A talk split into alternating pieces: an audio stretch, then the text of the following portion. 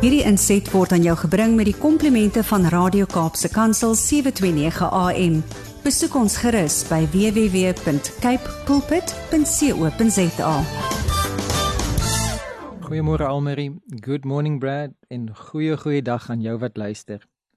Ons het in ons afgelope twee gesprekke gesê kom na die koelteboom. En ek wil vandag nog steeds vol staan by daardie selfde tema. Kom na die koelteboom. Twee gesprekke gelede het ons gepraat oor Elia wat geskuil het onder die besembos en waar die Here hom versterk het toe hy daardie onverklaarbare depressie beleef het. Wat dit eintlik 'n hoogtepunt moes wees vir hom as mens, vir hom as man, vir hom as profeet, was dit die plek wat hy die naaste gekom het aan gevoelens van selfvernietiging. En toe in ons vorige gesprek het ons gepraat van Hagar wat vir Ismael onder uh, die koelte van 'n bos gesit het, heel waarskynlik ook 'n besembos. En waar sy toe nou in geweldige nood gedink het sy moet wegkom want sy wil nie kyk hoe haar kind letterlik uh, sterf van die dors nie en hoe die Here so wonderbaarlik ingegryp het in beide van Elia en Hagar se gevalle. In albei gevalle het die Here die oplossing gebring en albei gevalle die Here voorsien in al hulle behoeftes en hulle onmiddellike behoeftes het hulle onmiddellik beter gevoel kos en water en het die Here geweet hoe om hulle te versterk sodat hulle kan moed hê om weer verder aan te gaan op die pad. Maar albei was interessant genoeg afhanklik van net 'n oomblik van stil sit, stil sit onder 'n bietjie van 'n koelte. Nie die reuse koelteboom uh, soos wat ons baie keer op 'n plaas hierdie groot boom kry waaronder die hele gesin kan familie reunie hou en almal in die koelte kan sit en mense kan middagtee drink en 'n bordjie met melktert aangee en die die, die melktert kan 'n wye draai maak en nooit in die son kom nie want hierdie koelteboom is so groot. Nee, hierdie besembos daarso in die Midde-Ooste is maar 'n vlakkerige bossie. Die Karoo boere ken die bossies wat jy jy kan as jy as jy hekkie atleet is dan sal jy maklik bo hom kan spring. En uh, in hierdie besembos koelte het my net so 'n bietjie laat wonder. Ek is nie Elia nie. Ek het geen identiteitskrisis nie. Ek besef dat ek is nie 'n profeet soos Elia nie. En ek het ook geen genderverwarring dat ek dink ek is enigstens soos Hagar nie. Maar daar is tog raakpunte in uh, Elia se se antiklimaks uh, Elia wat uiterlik sukses bereik maar dan tog innerlik soos 'n mislukking voel. Ek kan by tye daarmee baie goed identifiseer. En alhoewel ek nie 'n ma is nie en alhoewel ek nie my klein seentjie uh moes vashou terwyl hy amper amper doodgaan van die dors nie, kan ek as pa tog identifiseer met daai behoefte wat wat wat wat Hagar gehad het om te wil sien dat ehm um, Ismael voortleef en dat dit goed gaan met Ismael. En ek kan tot 'n mate identifiseer met haar pyn om te dink hier is dinge wat my kind se welstand wil aanval en ek wil ingryp en ek ek self is onseker van my eie oorlewing en dan ook om uit te roep en dan te te te dink daar's geen mens wat my kan hoor nie maar om te weet dat God hoor my al voel dit vir my ek is in 'n wildernis. So alhoewel ek nie Elia of Hagar is nie, kan ek identifiseer met van hulle van hulle pyn en van hulle uitroep en kan ek dan ook sê, maar as hulle dan onder 'n koelteboom kon gehelp geraak het, is dit dan moontlik dat ek en potensieel dan jy ook wat luister, hulp kan ontvang onder 'n koelteboom.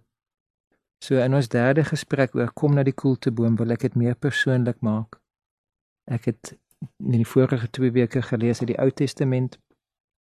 Ek wil vandag nog steeds weer 'n keer vir ons aanhaal uit die Ou Testament, maar ek wil ook praat uit die Nuwe Testament. Ek wil praat uit my eie uit my eie lewensverhaal. Nie omdat ek dink ek is uniek of ek is beter of omdat ek dink dat my lewe so besonder is nie. Maar net omdat ek my lewe ken en omdat ek maar net as met my as 'n verwysingspunt dan met integriteit kan sê dit is regtig hoe dit is andersins praat ek dit hoor sê uit en dan praat ek 'n uh, 'n uh, 'n uh, uh, hoor sê getuienis en dan is dit nie heeltemal dieselfde as wanneer ek dit my eie lewe uitpraat nie. En ek wil juis begin oefen om meer en meer deursigtig te wees, om meer en meer toeganklik te wees, om meer en meer eerlik met myself en met ander te wees. My hoogtepunte, maar ook my neerlae met ander te deel. So vandag sê ek kom na die koelteboom en kom sit saam met Rudy onder die besembos. Ons het 2 weke terug saam met Elia onder die besembos gesit. Toe verlede week saam met Agar onder die besembos gesit. En nou nooi ek jou kom sit so bietjie saam met Rudy onder die besembos. Nou ek wil net eers dat ons lees in Psalm 63, 'n Psalm wat vir my my lewe lank al vandat ek uh, saam met die Here loop van 1981 af soveel kere al uh, vir my so bemoedig het en waar dit vir my al so dikwels so spesiaal was dat die Here homself openbaar in Psalm 63 vers 7 sê in die Engelse vertaling because you are my help I will sing in the shadow of your wings. Because you are my help I will sing in the shadow of your wings. Daar is 'n klomp verwysings wat wat die Here homself ook vergelyk met 'n groot boom en wat hy koelte gee. En ons gaan nou-nou lees in Jesegiel 31 waar die Here sê dat hy selfs koelte gee vir die nasies. Maar hier is dit nie 'n boom nie, hier is dit hy wat in die vorm van 'n vlek vir ons koelte gee, beskutting gee, veiligheid gee. Ons knus en beskermd laat voel. En omdat die Here my hulp was, wil ek onder sy vlek sing. Psalm 91 vers 1 praat hierdie hierdie selfde beeld that I will sing under the shadow of his wings. En dan weet ons mos nou dat eendag in die hemel gaan ons van aangesig tot aangesig sien. Eendag in die hemel gaan ons dit eerstehands beleef uh in aanskoue. Maar hier op aarde is dit nog 'n geloofsaak. Is dit 'n saak waar ons nie noodwendig met ons sintuie dit kan beleef nie, maar waar ons dit kan glo. Ek het nog nie die Here se vlerke gesien nie. Ek weet nie eers heeltemal mooi om dit vir myself en my verbeelding voor te stel nie. Want Vader, Seun en Gees is vir my ek sien hulle as in 'n menslike vorm, verhewe en verheerlik, maar tog in menslike vorm en en Jesus weet ons het die gestalte van 'n mens aangeneem, hy het ten volle mens geword, ten volle God en ten volle mens. So waar die vere in die prentjie inkom, is omdat dit 'n ander metafoor is. En Jesus het juis in Matteus ook gepraat eendag van as a hen has longed to gather her chicks underneath her I've longed to gather you o Jerusalem. So hy Jesus self vir al aan uit die Ou Testament en hy sê hy wil soos 'n hen ons onder sy vlek laat beskutting kry. So daar is die beeld van vere en vere is so veilig en so beskut. Maar daar is ook die beeld van koelte.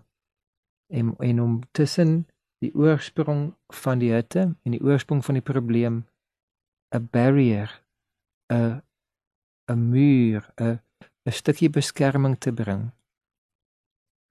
En ek as mens kan nie ander mense se probleme oplos nie. Ek kan nie die dit wat hulle beleef wat hulle aanvegting is of wat dit wat hulle uitdaging is, kan ek nie verwyder nie. Maar ek as mens kan dit vir hulle meer intens laat voel dat hulle nog meer intens voel hulle is uitgelewer hulle is alleen hulle is intens uh in die stryd in die felheid van die son of ek kan vir hulle laat voel hulle is nie alleen nie daar is 'n mate van beskutting daar's 'n mate van beskerming daar's 'n bietjie koelte tussen hulle en hulle aan dit wat hulle aanveg en dit is wat ek wil doen met elkeen met wie ek te doen kry Ek wil 'n punt daarvan maak om meer en meer vir mense koelte te gee. Die koelte van 'n besembos, net genoeg koelte dat daai persoon se kop net vir 'n oomblik uit die hitte uit is.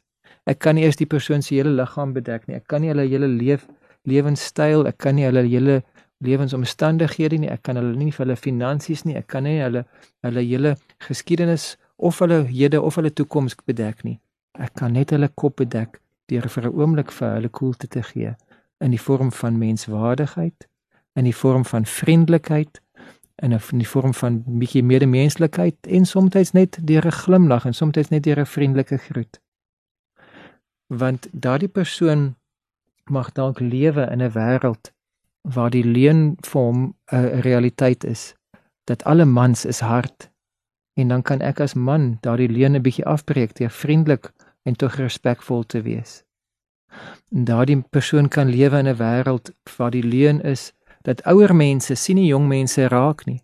En dan kan ek as iemand wat in my middeljare is, dan nou sê ek sien jou as jonger persone raak.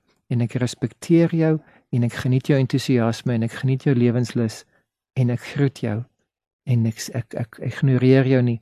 Ek sien jou as my gelyke. Ek sien jou as iemand wat waardig is om raak gesien te word. Ongelukkig in ons land met sy sy gebroke geskiedenis kan kan iemand ook lewe in daardie leuen dat hy dink almal wat se vel ligter is as myne is is rassisties en is hard en is onderdrukkend en is selfgesentreerd. En dan kan ek met my ligte vel daardie leuen afbreek dit te sê al is jy dalk 'n skakering donkerder as ek al het jy cappuccino of 'n karamel of selfs 'n lekker donker donker blou swart vel kan ek jou raak sien en vir jou menswaardigheid gee en vir jou menslikheid gee en met jou vriendelik wees. Ek het nie R5 of R50 om vir almal te gee nie. Ek het nie eers noodwendig 5 minute om vir almal te gee nie. Ek het dalk 5 sekondes om te glimlag en net vriendelik te sê Sanbonani Niabonga in Hambagashle. En net met oogkontak en met die feit dat ek die persoon se naam onthou en net met die feit dat ek met hulle met respek hanteer, kan ek 'n bietjie van daardie leuen afbreek. En kan ek kan ek veral as dit 'n herhalende situasies is, iemand wat ek elke dag by die werk raakloop of dan iemand wat in my omgewing uh, werk waar waar ek dan nou gereeld by hulle verbystap, kan ek die moeite doen om om om hom te leer ken en dan net vir hom erkenning te gee vir dit wat hy doen is ook waardevol. 'n Oomblik se koelte. Dit hoef nie noodwendig 'n aardskuddende deurbraak te wees nie. Dit kan net 'n stukkie vriendelikheid wees wat koelte bring. Want die Here kan koelte bring oor die hele nasie. Ek wil dit vir ons lees in uh Esegiel 31 Esegiel 31 vers 6 as ek my uh foonbybel kan kry om in Esegiel 31 ek gaan uit die Engelse Bybel uitlees vers 6 All the birds of the sky nested in its boughs. All the wild animals gave birth under its branches. All the great nations lived in its shade.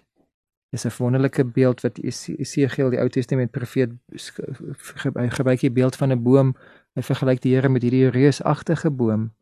En in hierdie boom vers 6 all the birds of the sky nested in its boughs. All the wild animals gave birth under its branches. All the great nations lived in its shade. Die Here is groot genoeg dat nasies in sy koelte kan skuil. Ek het nie grootheidswaan nie. Ek weet ek kan nie 'n nasie bedek nie. ek kan nie eens vir 'n nasie bedek in gebed nie. Ek kan maar net bid vir individue in daai nasie. Maar ek kan vir 'n individu koelte gee. Net soos wat my arms net een persoon op 'n slag kan omarm.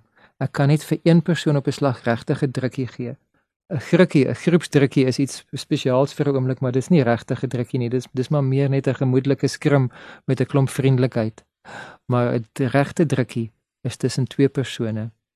En net soos wat ek net een persoon op beslag kan omarm, so kan ek net vir een, pers persoon op beslag koelte gee.